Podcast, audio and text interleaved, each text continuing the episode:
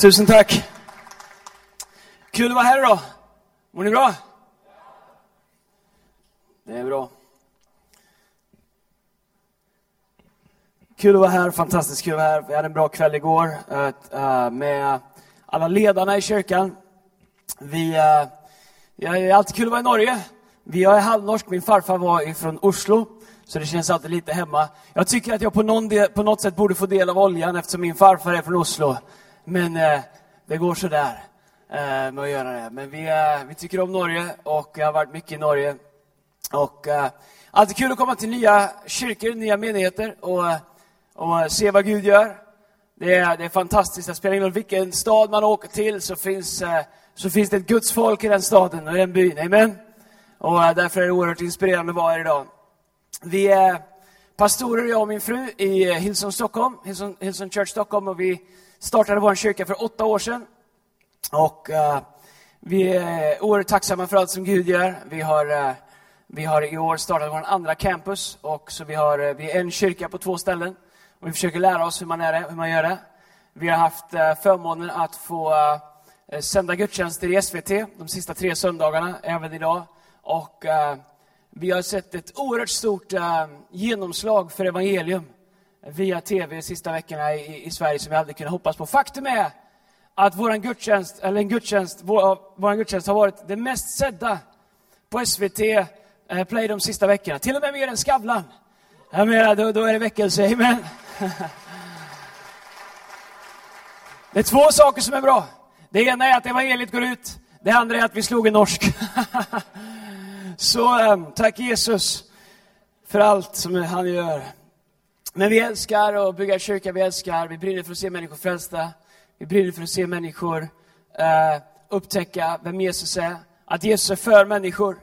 Att Jesus är, uh, har en plan för alla människor. Och att uh, när människor upptäcker vem Jesus är, den plan som Jesus har för människor, så finns det ingenting i hela världen som eh, kan göra för människor vad Jesus kan göra. Jag har suttit med miljardärer. Jag satt faktiskt för inte så länge sedan med en eh, uh, multimiljardär i dollar i USA. En väldigt känd människa, en känd företagsledare uh, i eh, uh, 50-60-årsåldern som grät sent på natten och sa Andreas, jag har allt, men jag har inget. Han sa, jag skulle göra vad som helst för att kunna göra om det faktum att jag har försakat mina barn medan jag har jagat efter pengar. Han sa, det finns ingenting som den här planeten har att erbjuda som går att köpa, som jag inte har råd att köpa. Ändå är jag den fattigaste människan på hela jorden. Därför att jag har ett hål i mitt hjärta som ingenting kan fylla.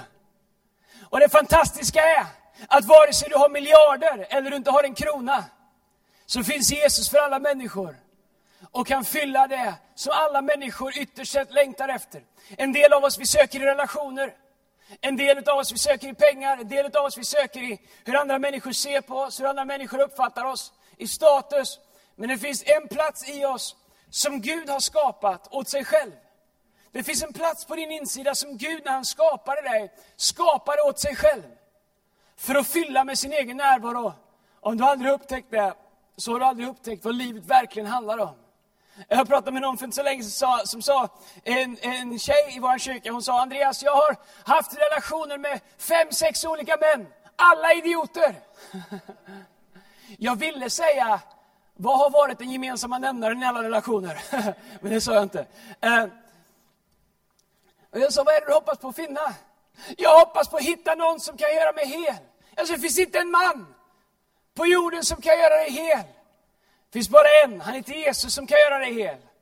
Därför att hela människor bygger hela relationer. Och faktum är att vem du än är här idag, om du är här för första gången eller om du kommer ofta, så vill jag att du ska veta att Jesus, han är allt vad du behöver. Du säger Andreas, det jag behöver är ett jobb. Jesus säger att han har lovat att ta hand om dig, föra dig till gröna ängar. Han har lovat att ge dig vad du behöver. Spelar ingen roll vad du säger att du behöver, så är Jesus svaret på allting som du behöver. Amen. Amen. Om det är möjligt att få lite mer monitor så vore det kanon. Okej, okay. jag har två döttrar. Eh, de heter eh, Angelina Africa Hope och Selina Joe Hanna Nilsson. Och eh, de är nio år och sex år. Så jag har en, en fru och två döttrar. Så jag lever i ett Barbieland hemma. Jag lever i en väldigt rosa tillvaro. så jag har köpt mig en hund som är en man. well, jag har haft stora hundar tidigare, rottweiler, dobermann, schäfrar. Och så sa jag till min fru, det är för mycket tjejer hemma, vi behöver en hund. Vi behöver en man. Och min fru sa, absolut, bara han inte väger mer än fem kilo och jag kan lyfta honom med en hand. Så vi har en liten sak som heter Spike, men han är en man i alla fall. För att få lite balans hemma, jag vet. Men eh, det är vad det är. Och eh, hemma hos mig så, eh, så är det eh, en film som ofta är på som heter uh, Frozen. Det på, på svenska så heter den, uh, Eh, inte Frost? Nej, Frost! Frost heter den på svenska. Och har du den, har, vad heter den på norsk? Frost. Hur många vet vad Frost är? Ja, fantastiskt. Uh, och uh, den, den, filmen har varit på hemma, känns den har varit på varje dag från morgon till kväll i, uh, sen den kom. Det är inte sant, men den har varit på väldigt mycket. Jag har faktiskt aldrig sett hela filmen från början till slut. Men jag har sett hela filmen många gånger genom att det spelar ingen roll vart man är så är den på någonstans. Det är lite som att vara passiv rökare. Att bo tillsammans med någon som röker hela tiden, då blir man själv liksom en rökare även om man inte röker. Okej, okay, ni gillar inte rök här, men... Um, så jag har sett den här filmen och hört den här filmen. Och för ett tag sedan så, så var jag och höll på med någonting i huset. Och mina tjejer satt och kollade på filmen. Och så kommer eh, liksom the big moment när de sjunger Slå dig loss, slå dig fri. Och när jag sjöng det så upplevde jag att Gud talade till mig. Ett budskap om att slå sig loss, om att slå sig fri. Om att du min vän, det spelar ingen roll vad som håller dig fången, spelar ingen roll vad som håller dig fast. Så kan du idag fatta ett beslut att låta Gud hjälpa dig och ge dig kraft att slå dig loss och slå dig fri. Så jag skulle vilja preka om det, om det går bra. Jag gör det ändå. Förstår ni svenska? Det är bra det. Då kommer ni gilla himlen. Därför att i himlen kommer alla prata svenska. Vi hade Åge Ålesjö med oss för ett tag sedan. Han sa det är fantastiskt att ni förstår norsk, därför att i himlen kommer alla prata norsk. Och hela vår kyrka buade åt honom. Det blev väldigt dålig stämning, men ni är mycket mer väluppfostrade än vad vi är. Fader, vi tackar dig för den här förmiddagen. Heligande, jag tackar dig för att du är här för att tala till oss. Heligande, jag tackar dig för att du är här för att uppenbara Guds ord för oss. Heligande, hjälp oss att se Jesus. Hjälp oss att höra hans röst, hjälp oss att förstå vad han vill säga till oss idag. Hjälp oss att slå oss fria från allting som håller oss tillbaka från vår potential och från det liv som du har lovat oss i Jesu namn. Och tack Jesus för att Northug inte vinner några medaljer i VM i Falun nästa år i Jesu namn. Okej, okay, det, det, det, var inte en riktig bön. Men Gud, du vet vad jag menar. Okej, okay. jag har förmånen att resa ganska mycket. Uh, och eh, jag bor ganska mycket på hotell. Jag är utomlands ungefär en vecka i månaden. Och uh, när jag var 20 år, 10 år, så, uh, så var min dröm att få resa och få se världen. Jag kommer från en liten stad i Sverige med 8000 invånare och 100 000 kossor. Och de flesta av mina kompisar har aldrig varit utanför stan. Och när jag växte upp så, så var min dröm att få se världen. Få bo på hotell äta hotellfrukost och åka i flygplan. Och, och, jag har många kompisar som aldrig har åkt flygplan jag drömde om att resa och se världen. Och eh, de sista 20 åren, sista 19 åren, så har jag rest så mycket så att det enda jag längtar efter är att få vara hemma. Men jag har bott mycket på hotell och jag har vissa rutiner som jag gör varje gång när jag kommer in på ett hotellrum. Det första jag gör när jag kommer in på ett hotellrum är att jag ställer ner väskorna, slår på TVn, tittar om det finns någon sport på TVn. Om det inte finns det så stänger jag av TVn. Eh, och eh, sen så sätter jag mina devices på laddning om det behövs och hänger upp mina skjortor och gör i ordning. Och jag har bott i alla möjliga typer av hotellrum. Jag har bott i, i fina hotellrum, bra hotellrum som jag bor i här i Norge. Jag har bott i, en gång så var jag i, eh, vart var det? Jag kommer inte ihåg om det var Dubai eller någonstans. Och jag hade bokat ett enkelt, enkelt rum. Men du vet, när man är predikant så har man ju någonting som jobbar för en. Man är ganska bra på att prata. Så jag lyckades dela till mig presidentsviten för samma pris som enkelrummet som jag skulle betala det för. Fantastiskt, jag var inte så gammal. Jag gick där, det fanns tre sovrum och jag gick och låg lite i alla sängar och jag provade alla morgonrockar och, och jag beställde upp allt man fick beställa och, och jag badade i alla badkar och jag tänkte fantastiskt, så här ska livet vara. Och, eh, men jag har också bott i, i, i andra sorters rum. Sanningen är att det spelar inte så stor roll hur rummet är. Därför att ett hotellrum är bara en plats som man sover i. Det är inte ett ställe jag bor på, det är en tillfällig plats. En gång så var jag i, eh, eh, i, i, i Tampa.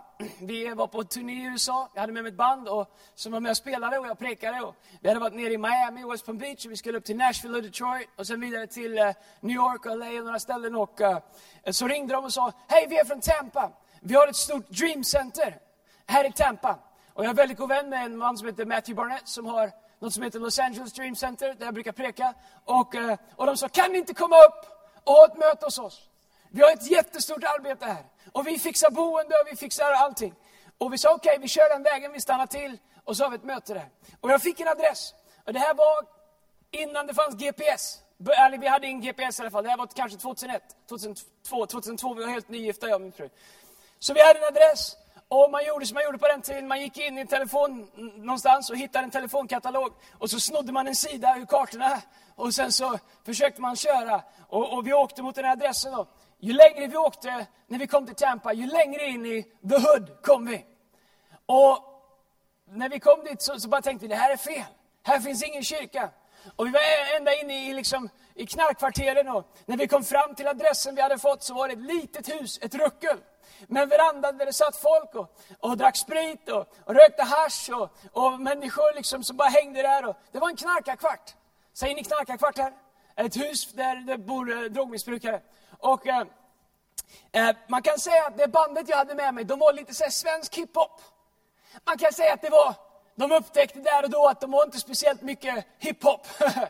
Därför att ingen av dem vågade gå ur bussen. Så jag fick gå ur bussen och gå upp och knacka på, hälsa lite på de som satt där. Eh, och eh, eh, vi har aldrig känt oss så vita i hela vårt liv. vi knackade på dörren och vi sa ursäkta, vi har kommit fel. vi ska till en stor kyrka, till, till Dream Center, men vi har fått en adress som är hit. Och de sa att, eh, vänta lite, så kom det en annan man och så sa de, ja men det här. Jag sa här. Vart är det stora Dreamcentret och vart ska vi ha gudstjänst? Och han sa, nej men vi tänkte vi röjer ut lite ur garaget så har vi möte där. Så öppnar vi garaget.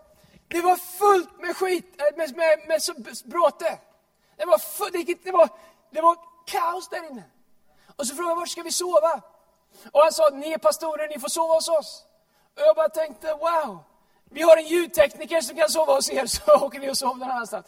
Men vi är bra kristna, så vi sa okej, okay, vart ska vi sova? Så gick vi till ett rum, så öppnade han en dörr som inte har varit öppen på fem år.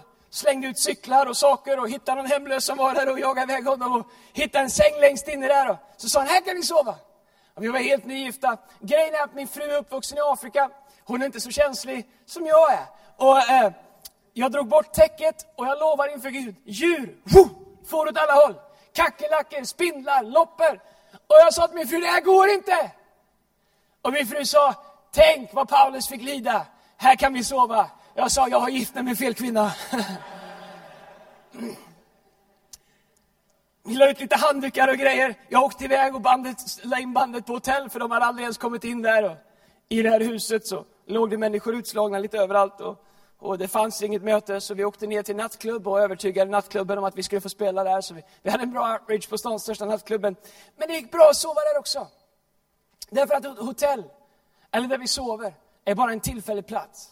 När jag kommer in på ett hotellrum, om jag inte tycker om det, om jag ska sova där en natt, så tänker jag inte, nej, jag gillar, det borde finnas en soffa här. Jag åker och köper en soffa och ställer in. Jag tänker inte, jag skulle trivas bättre med andra färger på väggarna, och så börjar jag måla om väggarna. Eller börja renovera rummet. I don't care. Jag ska bara sova där en natt. Sen ska jag åka vidare. Det spelar ingen roll egentligen hur omständigheterna är. Därför att det är inte där jag bor.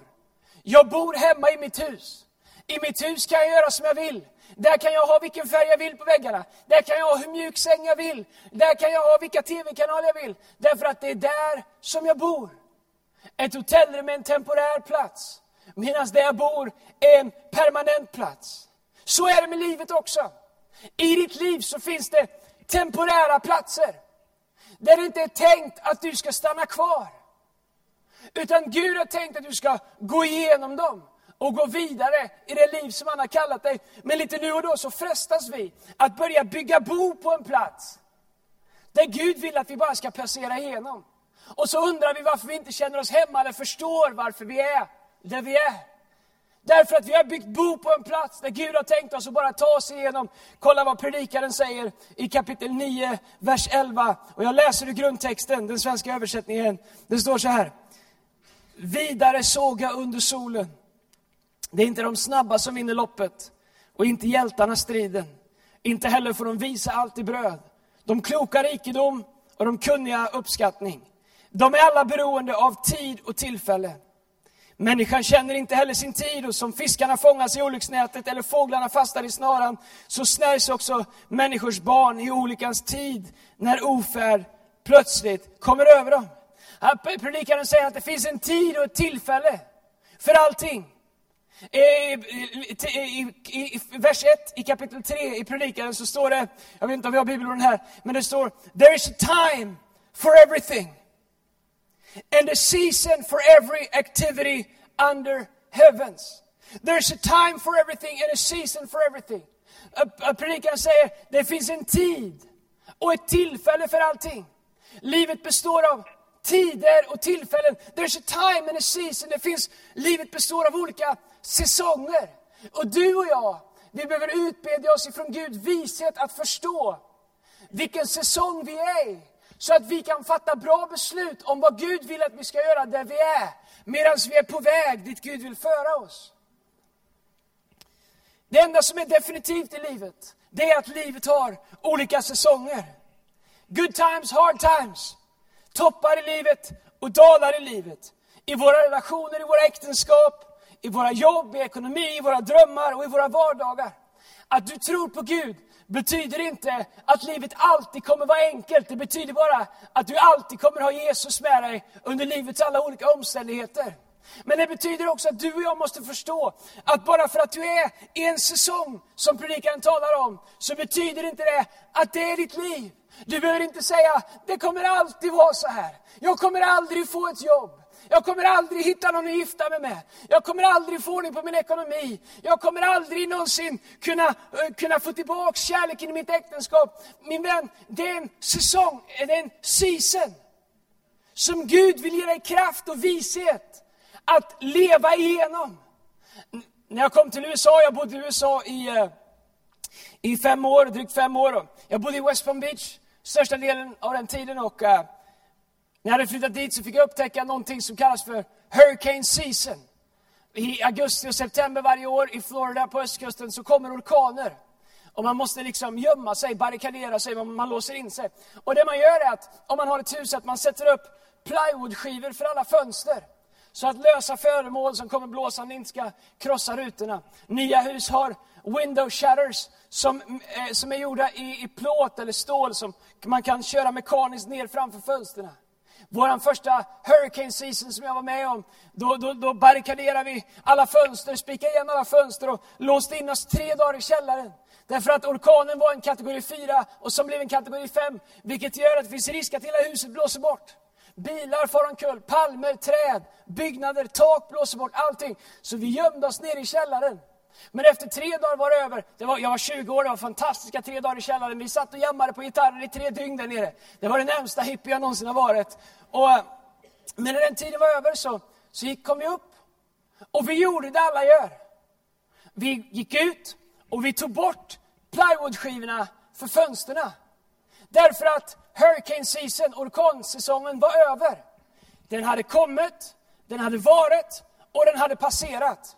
Men hur tragiskt, för att inte säga idiotiskt, hade det varit om jag sex månader senare hade levt kvar i huset utan att ta bort plywoodskivorna för fönstren. Och jag hade gått där och ropat, Gud varför är mitt liv så mörkt? Gud varför är det så mörkt? Gud hade sagt, för att du inte har tagit ner plywoodskivorna. Åh Gud, mitt liv är inte rättvist. Jag var hemma hos Pettersson. Hemma hos dem är det så ljust. Varför är det aldrig ljust hos mig? Därför att jag lever kvar i hurricane season. Fast den egentligen har passerat. Du förstår, så ofta i våra liv, när vi går igenom någonting, bestämmer vi oss för att bygga bo i en tillfällig situation. Så att det som varar en kort tid blir någonting som vi skapar till ett temporärt liv, till ett permanent liv. Kanske hade du ett äktenskap som brast. Min vän, det finns ett liv i framtiden för dig min vän.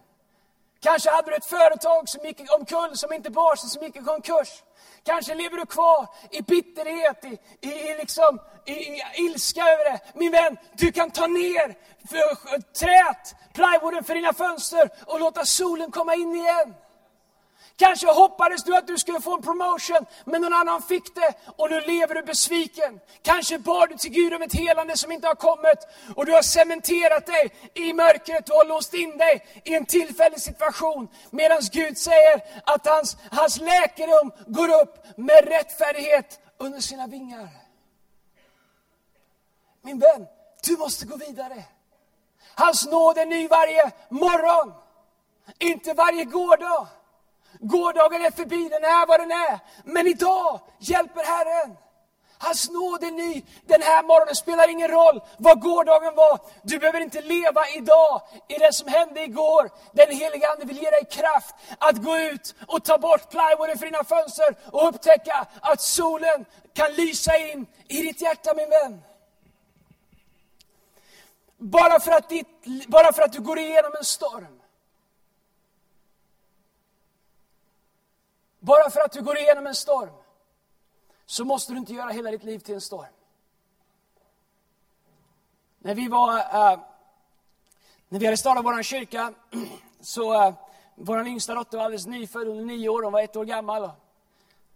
Något år senare så var min fru gravid och hade gått väldigt, väldigt långt i graviditeten. Och äh, en fredag så hade vi varit ute på dejt, jag och min fru. Vi hade bestämt namn till vår dotter som skulle födas. Och det hade gått långt, långt in i graviditeten och, och senare på eftermiddagen skulle vi åka till läkaren och göra ett ultraljud. Och, ett extra ultraljud. Och. När vi kommer hit en fredag, glada, har precis bestämt namn, så, så gör han ett ultraljud. Då. Och vi känner direkt i atmosfären att någonting är fel. Och han säger, jag är ledsen att berätta det här, men ert barn är dött. Ert barn har dött. Vi var helt oförberedda. Vi hade ingen aning om att det ens var så. Min fru sa, nej det är omöjligt, jag har känt en sparka idag. Men han säger att barnet är dött. Och det är fredag kväll, fredag eftermiddag, vi kan inte göra någonting. Ni får åka hem och komma tillbaka på måndag så får vi starta en förlossning.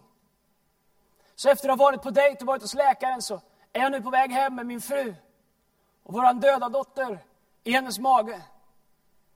Det var en oerhört svår tid. Vi hade satsat allt vi hade för att starta kyrkan. Alla pengar vi hade, all, all liksom, vi hade tagit alla risker. Vi hade, vi hade liksom, det var ingen som var speciellt glad över att det skulle startas nya kyrkor. Vi hade gått all in på att starta kyrka. Vi hade satsat allting, all vår kraft, all vår energi, alla våra pengar, allt vi hade. Och vi tyckte att det var oerhört orättvist. Den där söndagen så var jag tvungen att sitta och preka. Stå och preka, för det fanns ingen annan i vår kyrka som kunde preka och tittade på min fru på första raden. Med magen som vittnade om det faktum om att jag hade en dotter i gudstjänsten som var död. Ändå är jag tvungen att gå upp och säga, min vän, Gud är god. Du kan lita på Jesus. Jag var tvungen att fatta ett beslut i min ande som mitt förstånd inte alltid höll med om. För att inte permanenta mig själv i en temporär situation.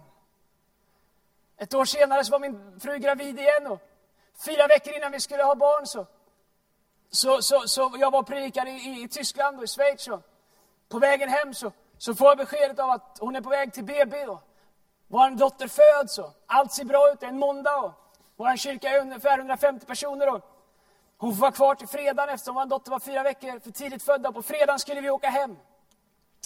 Jag hade allt planerat. Vi hade gjort det största steget i tro vi någonsin hade gjort som kyrka. Vi hade hyrt en lokal, downtown Stockholm. En teater med 750 sittplatser. Fast vi var bara 150. Jag hade bjudit in Brian och Bobby Houston. Och jag tänkte det här blir världens fiasko. Vad ska vi med en sån stor lokal till? Men jag hade så tydligt känt mitt hjärta att Gud hade sagt till mig att jag skulle hyra den lokalen. Vi, vi, hade, vi hade max 150 personer i vår kyrka. Och den här fredagen hade jag planerat allting. Jag skulle hämta eh, Lina och vår nya dotter Angelina vid 12. Jag skulle köra hem dem. Jag hade dekorerat hela huset. Det var rosa, det var, det var tårta, det var ballonger, allt var klart. Vi skulle fira. Sen skulle jag hämta Brian och Bobby klockan fem på flygplatsen. Sen skulle vi ha möte klockan sju. När jag hämtar min fru på, på, på, på sjukhuset klockan 12 så är vi på väg ut och då ropar de efter oss, vänta, vi har en undersökning kvar som vi har glömt att göra. vi måste göra ett ultraljud på hennes hjärta. Det gör vi på alla barn som är prematurt födda, som är födda för tidigt. Och vi frågar, tar det lång tid? Vi har, vi har viktiga saker att göra idag. Hon säger, nej det tar bara fem minuter. Så går vi in. Och direkt när undersökningen börjar så får vi samma känsla som vi hade fått ett år tidigare. Och läkaren säger, jag är ledsen att behöva berätta, men er dotter har ett jättekomplicerat hjärtfel. Hon har ingen vägg mellan höger och vänster sida. Det är en sjukdom som kallas för AV kommuner. Och läkaren sa, i stort sett alla som har det har Downs syndrom. Så vi gick den där fredagen från att ha planerat en fest och åka hem och fira och sen så ha vår största gudstjänst någonsin, som jag inte ens visste om det skulle bli fiasko eller inte, till att hela världen vänds upp och ner. Och jag tänker, Gud, vart är rättvisan i det här? De rusar oss tillbaks till ett rum, slangar och apparater hookas upp till vår lilla dotter som ligger där. Två och ett halvt kilo. Och jag och min fru, vi lämnas ensamma. Och vi går ner på knä vid den där sjukhussängen. Och vi tvingas att fatta ett beslut. Om den Gud som vi har predikat om, som vi har talat om. Om han är den vi säger att han är. Om han kan göra det vi har sagt att han kan göra. Om han håller och litar på. Och vi fattar ett beslut om att oavsett vad som händer så litar vi på Gud. Vår dotter skulle heta Angelina Africa. Därför att min fru har vuxit upp i Afrika. Men där och då så bestämde vi oss för att lägga till namnet Hope i hennes namn. Så hon heter Angelina Africa Hope. Vi bestämde att jag skulle åka och hämta Brian och Bobby och att vi skulle ha den där gudstjänsten. Ingenting i mig ville ha det. Men vi bestämde att vi skulle fullfölja det Gud hade kallat oss till. Vi bestämde oss att han som har startat ett gott verk i oss, han är rättfärdig och mäktig och trofast och fullbordare. Och även när vi inte förstår någonting så håller han allting i sin hand. Jag åkte och hämtade Brian och Bobby och berättade för dem hur det var. Det var märkligt den där fredagen att komma till lokalen. Därför att när vi körde dit så var det en kö som gick ifrån vår lokal rakt förbi alla stans nattklubbar hela vägen, för vi hade inte öppnat dörrarna. Det stod, jag vet inte hur mycket, men det stod cirka 800 människor i kö för att få komma in i kyrkan. Nattklubbsägare kom, kom springande och varje och sa, varför har ingen sagt till oss att vi öppnar en ny nattklubb här? 69 människor blev frälsta den kvällen. Alltså mer än en tredjedel av vad hela vår kyrka var. Men det var svårt att gå upp på scenen den där, den där, den där fredagskvällen och säga Come on church, lyft dina händer, tacka, lovsjung Gud. Gud är godare på din sida. Jag gjorde det inte utifrån känslor, jag gjorde det utifrån att Gud är större än min temporära situation. Han är alfa och omega, han är alltings början, han är alltings slut. Han är den som gör att även om vi går på vatten och sjunker lite, så är hans hand tillräckligt stark för att dra oss upp på fast mark igen. Och Gud har gjort tillräckligt mycket bra i mitt liv för att jag ska veta att jag kan lita på honom även i de svåra stunderna. Och vi bestämde oss, jag och min fru, att inte ta en temporär situation och göra den permanent. Man ringde till mig, men andra pastorer ringde till mig som menade väl och sa Andreas du måste ta en paus från kyrkan. Andreas ni kan inte fortsätta, du måste ha hand om din familj. Men, men, men, men vi sa till varandra, vi tänker inte bygga bo här. Det är bara, it's only a season, det är bara en säsong. Gud har stakat ut våran väg. Vi fick beskedet om att Angelina var en på en miljon som inte hade Downs syndrom. Vi har älskat henne och tagit henne hur som helst. När hon var fyra månader så gick hon igenom en åtta timmar lång eh, open heart surgery. Där de byggde en ny vägg i hennes hjärta. Vi fick säga farväl innan vi lämnade in henne på operationsbordet för man visste inte om hon skulle överleva eller inte. Hon har gått igenom en operation till. Men idag så är hon sex år och full av liv och full av bus. Och, hon har mer energi än vi har bett om. Och eh, vi tackar Gud för att han är trofast. Och, amen, kan ge Gud en stor applåd. Faktum är att bara för att vi predikar hopp, bara för att vi predikar att Gud är trofast, så betyder det inte att vi förnekar att det finns dagar som ibland är i skuggan. Det är bara det att du och jag har möjlighet att fatta ett beslut om vi vill göra en temporär situation till en permanent situation. Eller om vi vill lita på Gud och lita på att han är trofast hela vägen. Psalm 30, vers 6 så står det, hans vrede varar bara ett ögonblick, men hans nåd varar för livet. Gråten kan plåga oss om natten, men när morgonen gryr kommer glädjen. Jag älskar den engelska översättningen där det står Though the sorrows may last through the night, His joy comes in the morning. Min vän, du kanske är i natten, men jag har goda nyheter till dig. Det finns glädje som väntar dig när morgonen gryr. Det spelar ingen roll hur svart natten är, därför att Gud säger att även om gråten råder under natten, så är hans glädje ny när morgonen kommer. Och om du bestämmer dig för att hoppas på det och hålla fast i det, även om det inte finns en omständighet som håller med om det, så kommer du få se Guds trofasthet. Så kommer du få se hans godhet. Och även när vi inte förstår, så är Gud trofast. Jag vet inte varför vi förlorade vår dotter. Jag vet bara att jag har en dotter som väntar på mig i himlen. And that's good enough for me. Det är tillräckligt för mig. Därför att Gud är trofast. Så hur gör man för att överleva en storm? Hur gör man för att inte fastna i en omständighet? Jag skulle avslutningsvis bara vilja ge dig två saker, två uppmuntringar om hur du kan gå vidare när du går igenom situationer i ditt liv. Det första, som jag skulle vilja säga är väldigt enkelt, men väldigt svårt. Nummer ett, fortsätt framåt. Det kan verka banalt, men det är livsavgörande. När Israels folk skulle lämna Egypten, så hade man varit där ungefär 400 år. Man hade sjungit om en dag när man skulle bli fria. Man hade sjungit om löfteslandet som flöt av mjölk och honung. Profeterna hade profeterat om det. De gamla berättade för de unga kring lägereldarna om Guds löften att en dag så skulle man bli fria. En dag skulle Gud sända en befriare som skulle leda dem ut ur Egypten, in i Guds löfte. Man hade väntat på det, man hade pratat om det, man hade sjungit om det, man hade hållit fast i löftet. Sen kommer Mose och leder Israels folk ut ur Egypten. Allt som man har trott sker helt plötsligt framför deras egna ögon. De kommer till Röda havet. Direkt när de kommer till Röda havet säger de, att det var bättre i Egypten. Första prövningen så ville de gå tillbaks till fångenskap. Men Gud är trofast, han delar Röda havet och Mose leder dem rakt igenom. Sen så går de genom öknen. Den öken de spenderade 40 år i. Det var inte för att den öknen var så stor. De flesta teologer och bibelforskare tror att det kan ha tagit max sex månader att gå igenom öknen, förmodligen ännu kortare. Till det land som var löfteslandet. När man kommer dit så skickar Mose in tolv spejare, Kaleb, Josua plus tio stycken till.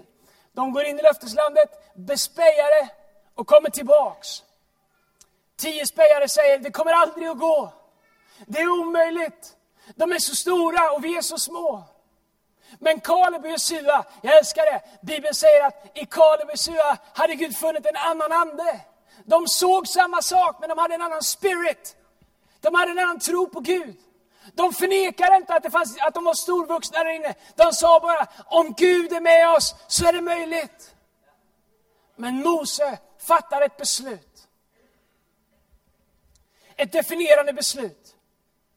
Att inte fortsätta framåt in i vad Gud har lovat. Fast han har sett Gud dela det havet. Fast han har sett Gud skicka alla plågor. Fast han har sett Gud vända faraos hjärta. Så fortsätter han inte in i Guds löften. Utan han stannar. Och helt plötsligt så måste Israels folk lära sig att leva på en plats som Gud bara hade tänkt att de skulle passera igenom. Problemet var att Israels folk började lära sig att leva i öknen. De var inte skapade för öknen. Gud hade inte tänkt att de skulle bo i öknen. Gud var full av nåd. Han skickade en eldstor om natten och en måstor om dagen.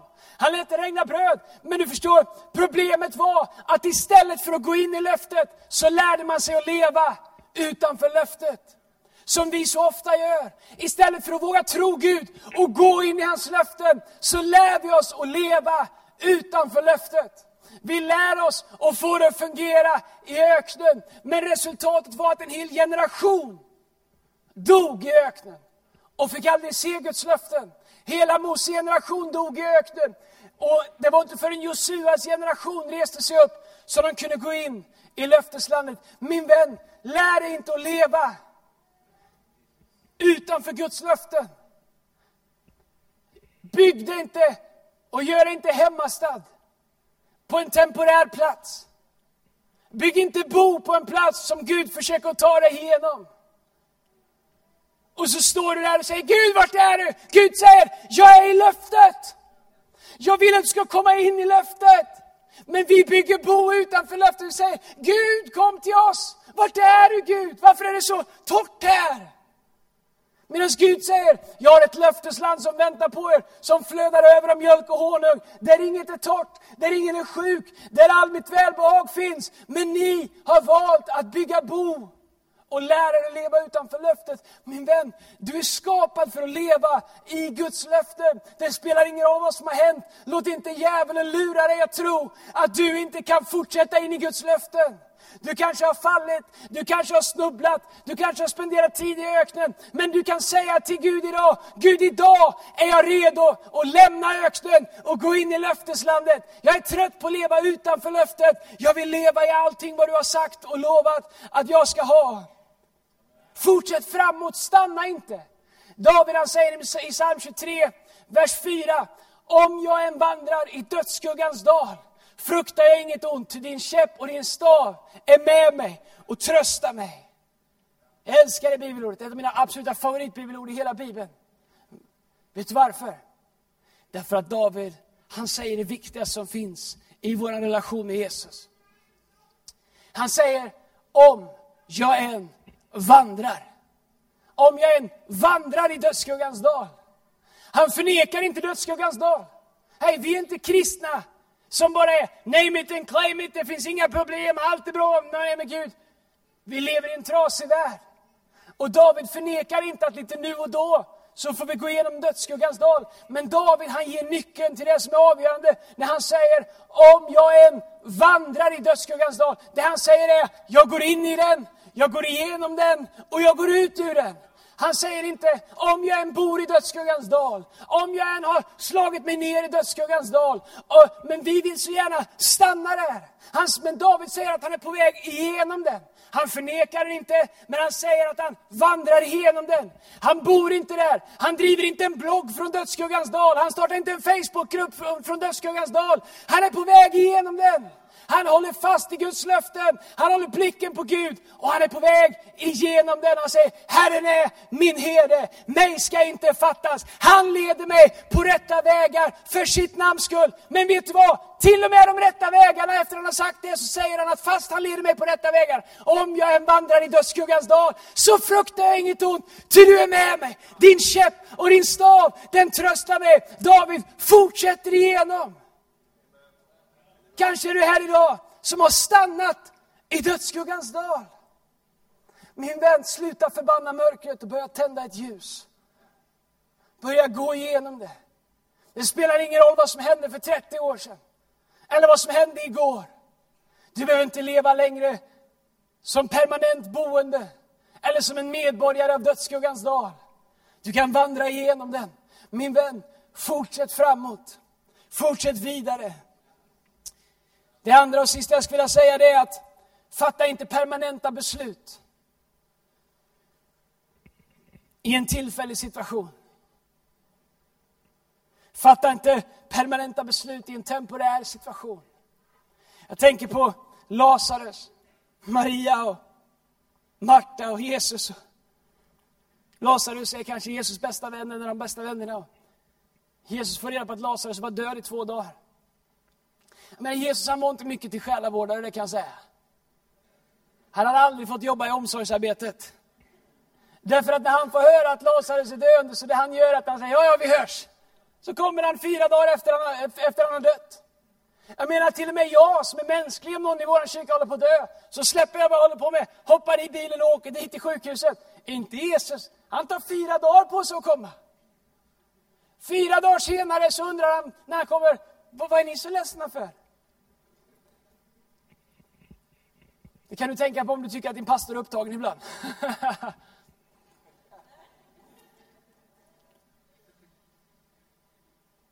Och så kommer Jesus, och så går han där. Men Jesus är helt ostressad. Men Maria, hon har fattat ett permanent beslut. I en situation som Jesus var temporär. Jag hinner inte läsa alla stycken ännu, men, men Jesus han säger att vad vi gått mot Lazarus kommer inte dö.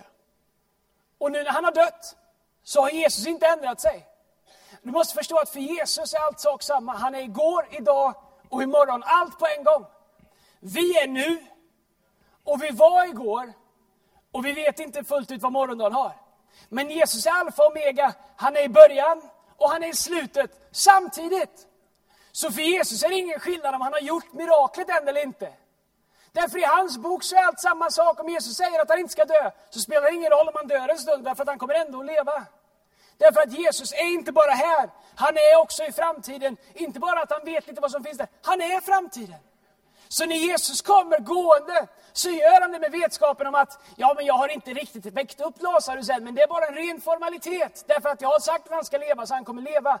Men Maria har fattat ett permanent beslut att det är över, finished, finito. Allt är slut.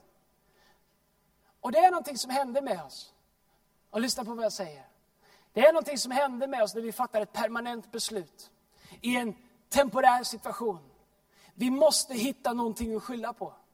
Vi måste hitta en anledning. Maria hon säger i Johannes kapitel 11, vers 32. Så står det när Maria kom till den plats där Jesus var och fick se honom, föll hon ner vid hans fötter och sa till honom, Herre, om du hade varit här skulle min bror inte ha dött. Alltså, hon skyller allting på Jesus. Hon har bestämt sig, Lazarus är död, han kommer inte leva mer och det är ditt fel Jesus. Permanenta beslut behöver alltid någonting att skylla på. Om jag bara hade kommit från en annan familj, om, om hon bara hade sagt ja när jag frågade ut henne på dejt, om jag bara hade fått det där jobbet, om jag bara hade haft mer pengar, om jag bara hade haft den där utbildningen. Att fatta ett permanent beslut som påverkar resten av livet behöver alltid någonting att skylla på. Amen. Maria har valt Jesus och hon skyller på Jesus. Men Jesus han är helt ointresserad, han är helt ostressad. Eftersom han vet att situationen är temporär, så han går fram. Och jag älskar hur det står i Johannes 11, vers 41. När Jesus går fram och ska liksom göra det han redan har sagt han ska göra. Så står det så här i Johannes 11, 41, lyssna här. Det här är komedi på hög nivå. Det står så här. De tog bort stenen och Jesus lyfte blicken mot himlen och sa Fader, jag prisar dig för att du hör mig. Ja, ja, ibland kan jag tänka att Jesus han menar att eftersom ingen annan här lyssnar på vad jag säger, så jag tackar dig för att du hör mig när jag säger något. Själv vet jag att du alltid hör mig. Men för att folket som står här ska tro att du har sänt mig. Alltså det han säger är, Jesus, Jesus säger till Gud, Gud, jag vet att du vet att jag vet. Att du vet att du hör vad jag säger. Gud, det är inte du och jag som har problem, det är de här. Av alla människor jag får spendera min vardag med, så är det de här. Ja, Thomas han tvivlar på allt. Judas han är runt och stjäl plånböcker här men gör mirakler. Petrus han är, han är, vi vet inte var han är, han skapar bråk någonstans. Maria har redan gett upp. Ingen hör vad jag säger.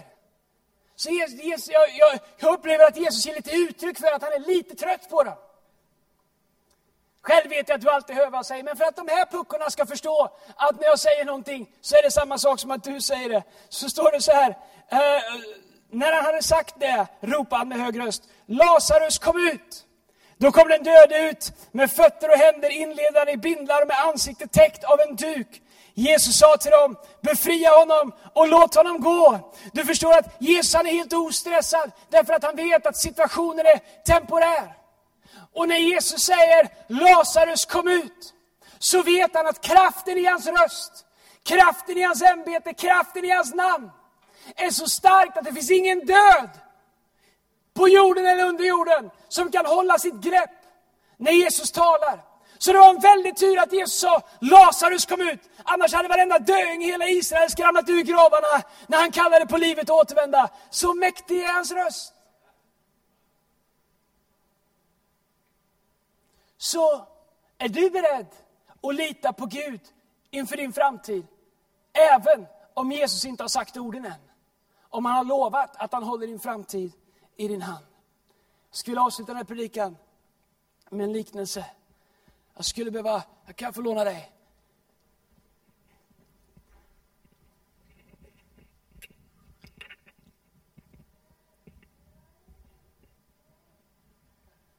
Det går åt en medarbetare till varje predikan i det där. Klarar ni er utan? Eller har du viktiga roller i kyrkan?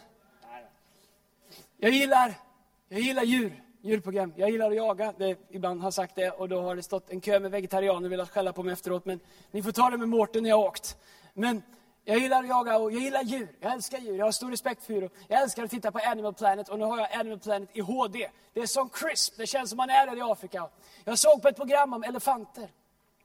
Om hur man tar elefanter i Indien och Thailand och gör dem till cirkuselefanter. Eller hur man tämjer dem. Och jag såg att när en elefant föds, från det ögonblick att elefanten kan ställa sig upp, så tar man elefanten och, och tar deras vänster framben, eller vänster bakben. Och så trär man en tu, ett tunt rep, eller en tunn kedja, runt benet. Den är alldeles för tunn för en vuxen elefant, men den är tillräckligt tjock för att ett elefantunge på stapplande ben inte ska kunna bryta den. Sen slår man ner andra ändan i en pegg i marken. Den där peggen, en vuxen elefant skulle inte ens märka att den var där, utan bara gå därifrån. Men den här peggen sitter tillräckligt hårt för att en elefantunge inte ska kunna ta sig därifrån. Det som händer är att elefantungen försöker under ungefär tre veckor, under, under 20-21 dagar, att komma loss ifrån det här repet, eller ifrån kedjan. Mamman försöker hjälpa till och knuffa på. Men kedjan är tillräckligt stark för att hålla fast elefantungen. Inte en vuxen elefant, men en elefantunge. Det som händer efter 20 eller 21 dagar är att elefanten fattar ett beslut i hjärnan. Fattar ett livsavgörande, livslångt beslut. Att den här kedjan, eller det här repet, är obristbart. Att det här går inte att ha sönder. Det här är permanent, jag sitter fast här. Och det som händer är att efter ungefär tre veckor så slutar elefanten att kämpa emot. Och anpassar sig och inser att storleken på elefantens liv är exakt så stort som kedjan är lång. Och vänjer sig vid att leva ett liv som har en radie som representerar längden på repet. Så pass att när elefanten är vuxen och stark, en stark hanne, går att hålla, kan man hålla fången med samma rep som man gjorde när det var en liten bebis. Därför att repet är inte längre det som håller elefanten fånge. Kedjan eller repet är nu bara här för att ge en mental påminnelse om det som elefanten bestämde sig för när den var tre veckor gammal. Att det här kommer jag aldrig loss ifrån. Så det är inte ens värt att lägga en sekund att kämpa emot det. Det är därför man kan ta ut cirkuselefanter var som helst i stan och ta dem till en park och använda repet eller kedjan på en vuxen elefant som man hade när de var barn, sätta fast dem i en pegg i marken och elefanten går ingenstans. Du förstår det inte kedjan som håller fast elefanten. Det är elefantens inre tankar det är de beslut, de permanenta beslut som elefanten har fattat i sitt huvud, som håller dem fånga. Samma sätt är det med dig och mig min vän. Saker och ting händer i våra liv som temporärt kanske, kanske gör att vi, vi fastnar i någonting. Kanske går vi igenom en skilsmässa, kanske får vi sparken, kanske ber vi för ett helande som inte sker. I don't know. Om du och jag bestämmer oss för att det här blir min framtid, det här får jag leva med. Det är samma sak som elefanten som sitter fast i ett rep som den egentligen kan krossa. Därför att du förstår att elefanten som är vuxen skulle vilket ögonblick som helst bara kunna krossa kedjan och gå därifrån. Men det gör det inte, därför att den har bestämt sig för att den är okrossbar. Bibeln säger att djävulen är en lögnare. Den här kedjan är exakt likadan som djävulens lögner är i våra liv. När djävulen säger, nu kommer du få leva med det här resten av ditt liv. Det finns ingen väg tillbaks. Du kommer aldrig kunna komma tillbaks. Du får vänja dig vid det här. Du får lära dig att leva med det här. Det är lögner ifrån djävulen, men jag är så glad att Bibeln säger att den sanningen gör fri. Han är verkligen fri. Den sonen gör fri, han är verkligen fri. Att, att Jesus är vägen, sanningen och livet. Och att du i sanningen kan göra dig fri från vilken kedja som helst. Det spelar ingen roll vilka lögner djävulen har satt dig fast i. De är bara där för att lura dig. Och bara om du bestämmer att de är sanning, så kommer de vara en sanning i ditt liv. Men det ögonblick som du vänder dig till Jesus och låter honom avslöja kedjorna som lögner, så blir du fri. Så kan du göra som elefanten borde göra. Skaka till med ett ben, bryta varje länk i kedjan och säga No more! Därför att det finns inga kedjor som kan hålla en vuxen elefant. I Jesu namn, amen. Amen. Tack så mycket, du kan få ta med dig repet.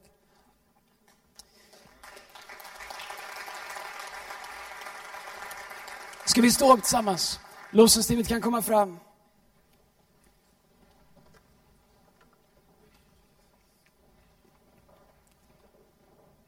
Jag skulle vilja be en bön i slutet på mötet. Om det är möjligt att bevara stillheten här inne under bara några minuter. Jag ska inte hålla på längre, du ska alldeles strax få gå hem. Men om det är möjligt för dig att bara ge mig några minuter till den uppmärksamhet. Därför att den helige Ande är här. Guds närvaro är här. Jag skulle vilja be en bön. Därför att jag hör i anden redan nu, i det här rummet, kedjor som, som bryts. Kedjor som rasslar. Jag hör länkar som brister i anden över människors liv här inne. Människor som har varit bundna utav lögner som vi har trott var sanning.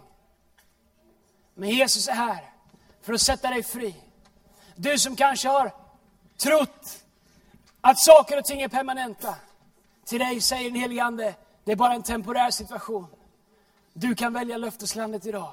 Du behöver inte bo längre i öknen. Sluta och lär dig att leva i öknen och våga inta ditt löftesland som Gud har lovat dig med. Ska vi göra så att vi böjer våra huvuden och sluter våra ögon här inne allesammans. Ingen ser sig omkring.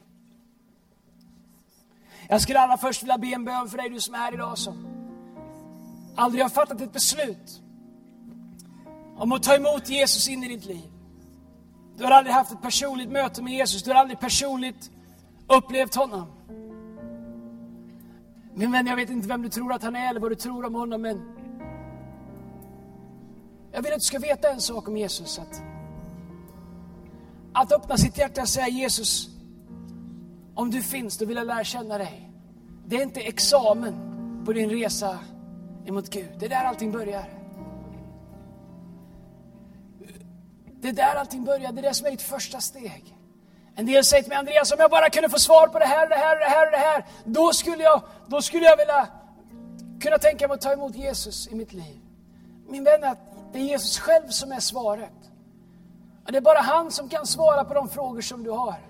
Så inte förrän du vågar öppna ditt hjärta och säga Jesus om du finns, om du är på riktigt, kom in i mitt hjärta. Jag vill lära känna dig. Det är först då du kan upptäcka honom. Det är först då du kan få en personlig relation med honom. Och det är först då han kan visa sig för dig och börja svara på dina frågor. Det är där och då som han blir verklig för dig. Det är där och då han blir på riktigt. Du kan spendera resten av ditt liv och läsa om honom, fråga om honom, debattera honom. Men du kommer aldrig någonsin veta förrän du vågar ta chansen och säga Jesus, om du är på riktigt, då vill jag upptäcka dig i mitt hjärta och lära känna dig. Jag skulle vilja be en bön för alla som är här inne idag, som säger Andreas, om Gud finns. Om Jesus älskar mig, om han har en plan för mig, om han vill hjälpa mig i min framtid. Då skulle jag vilja upptäcka honom, då skulle jag vilja lära känna honom. Jag ber inte dig gå med i kyrka, jag vill inte ha någonting ifrån dig, jag vill bara be för dig. Alldeles strax kommer jag be alla er lyfta era händer som känner så. Inte än, men alldeles strax. Och när du alldeles strax lyfter din hand så är det ditt tecken till mig där du säger Andreas, när du ber, tänk på mig. Jag skulle vilja lära känna Jesus, jag skulle vilja få en egen relation med honom.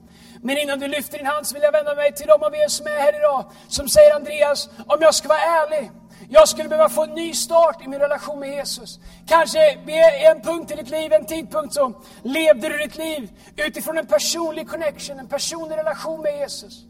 Men om du är ärlig med dig själv och med Gud idag, så kanske sjunger du till honom, kanske vet du exakt hur man ska vara i en kyrka, men om du är ärlig, ditt hjärta är inte i det här längre. Din första kärlek är inte kvar. Jag vill att du ska veta två saker. Nummer ett, Gud är inte din domare. Och Jesu famn är öppen för dig. Gud sände inte sin son till den här världen för att döma dig, utan för att rädda dig, för att hjälpa dig. Och om du är här idag som säger Andreas, jag skulle behöva få en ny start i min relation med Jesus idag. Då vill jag att du ska veta att du kommer inte möta Gud som din domare. Du kommer möta Gud som din far med öppna armar som säger välkommen hem, välkommen tillbaks. Gud är inte så intresserad av det som har varit, han är intresserad av att få en del av din framtid. Ibland så tror vi att Gud måste reda ut allt som finns i vår bakgrund. Men du förstår, Gud, han är exakt som han var mot den förlorade sonen. Han är intresserad av din framtid. Han vill vara med dig. Hans famn är öppen för dig. Han bryr sig inte om varför det blev som det blev. Han bryr sig bara om det faktum att du kan få komma tillbaks och få en ny relation med honom idag. Så med alla huvuden böjda, både här uppe på scenen och här ute i publiken. Vem du än är, vare sig du är här ute bland publiken eller uppe på scenen. Om du säger Andreas, jag vill för första gången ta chansen och få en personlig relation med Jesus. Jag vill få ett eget möte med honom. Eller du säger Andreas, jag vill, jag vill inse idag att jag behöver få en ny start i min relation med Jesus. Jag behöver starta om min relation med Jesus. Då vill jag be för dig där du står. Jag kommer alldeles strax be dig lyfta din hand. Och när du lyfter din hand så kommer jag inte peka ut dig, jag kommer inte exponera dig. Jag kommer inte idag, idag be dig komma fram, utan jag kommer be för dig där du står. Men jag skulle vilja att du lyfter din hand så att jag vet vem jag ber för. Och din lyfta hand är ditt tecken till mig. Där du säger Andreas, när du ber, tänk på mig i Jesu namn. Amen. Och jag kommer göra det enkelt, jag kommer räkna till tre. När jag kommer till tre, vill jag att alla lyfter sina händer rakt upp som säger Andreas, när du ber, tänk på mig. Och när du sedan har lyft din hand så ser jag den och då kan du ta ner den. Är du redo? Min vän Jesus är här. Han längtar efter dig, hans armar är öppna för dig, hans hjärta är öppna för dig. Han har en framtid för dig. Du behöver inte leva där du har varit, du kan få ta nya steg in i din framtid. Om du vill att jag ska be för dig när jag kommer till tre, lyft din hand rakt upp. Är du redo? En, två, tre, lyft din hand just nu vem du än är. Gud välsigne dig och dig och dig. Dig, dig, dig, dig, dig och dig. Gud välsigne dig och dig och dig och dig och dig och dig och dig och dig och dig. Gud välsigne dig min vän. Gud välsigne alla er som har lyft era händer. Gud välsigne er där uppe också. Gud välsigne er. Ni som har lyft era händer kan ta ner dem. Jag kommer be en bön, jag skulle vilja att hela kyrkan ber efter mig. Alla ni som lyfter era händer tillsammans med resten av kyrkan, jag skulle vilja att ni ber den här bönen efter mig. Tack Jesus, att du älskar mig. Kom in i mitt hjärta. Förlåt mig min synd. Jag vill lära känna dig. Tack att du har en framtid för mig.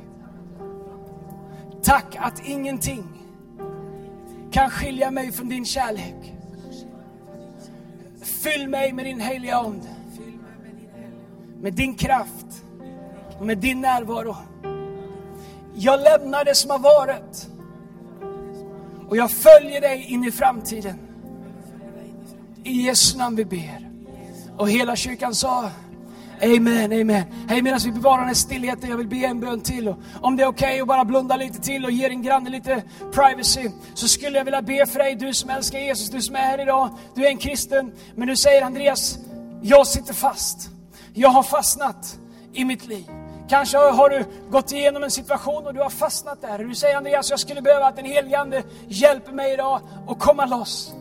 Kanske är du, känner du igen dig i bilden jag sa om att när vi hade bommat igen våra fönster och allt var mörkt, kanske känns det som att du har levt i en mörk situation. Min vän, jag har ett budskap till dig från Gud. Gud är redo att låta hans sol gå upp i ditt hjärta och över ditt liv om du är villig att följa honom in i framtiden. Om du säger Andreas, jag behöver hjälp, jag behöver Guds kraft, jag behöver Guds ledning och den helige Andes styrka att gå vidare. Jag är villig att lämna alla mina ursäkter, jag är villig att lämna allt som har hållit mig fast. Jag är villig att lämna allt som har varit för att följa Gud in i framtiden. Jag vill inte bo kvar där jag har varit. Jag vill ut ur öknen och in i löftet i Jesu namn. Om det är du, då vill jag be för dig i Jesu namn. Så jag vill att du lyfter din hand just nu, vem du än är. Du kan hålla din hand uppe. Fader i Jesu namn, jag tackar dig för allt vad du har lovat.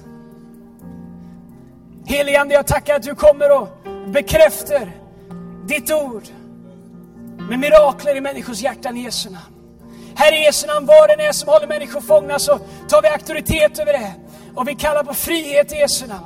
Helige Ande, jag tackar att du löser människor ut i frihet. Herre, jag tackar att sanningens ande avslöjar mörker och för människor ut i ditt ljus, Herre. Att människor får vandra ut ur dödsskuggans dal, in i ditt ljus, Herre Jesus. Herre, vi gör anspråk på varje löfte. Vi gör anspråk på varje ord. Herre, vi gör anspråk på allt vad du har sagt att du är i våra liv. Och vi säger i Jesu namn, mörker gå och ljus bryt fram i Jesu namn. Och vi säger till allt som är dött, Lazarus, stå upp i Jesu namn och lev igen. Vi tackar dig i Jesu namn, i Jesu namn, i Jesu namn. Och hela kyrkan sa Amen, amen, amen. Och Gud välsigne er allihopa.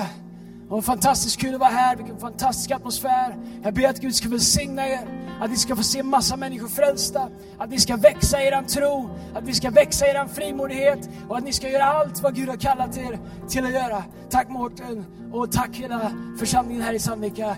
I Jesu namn. Amen.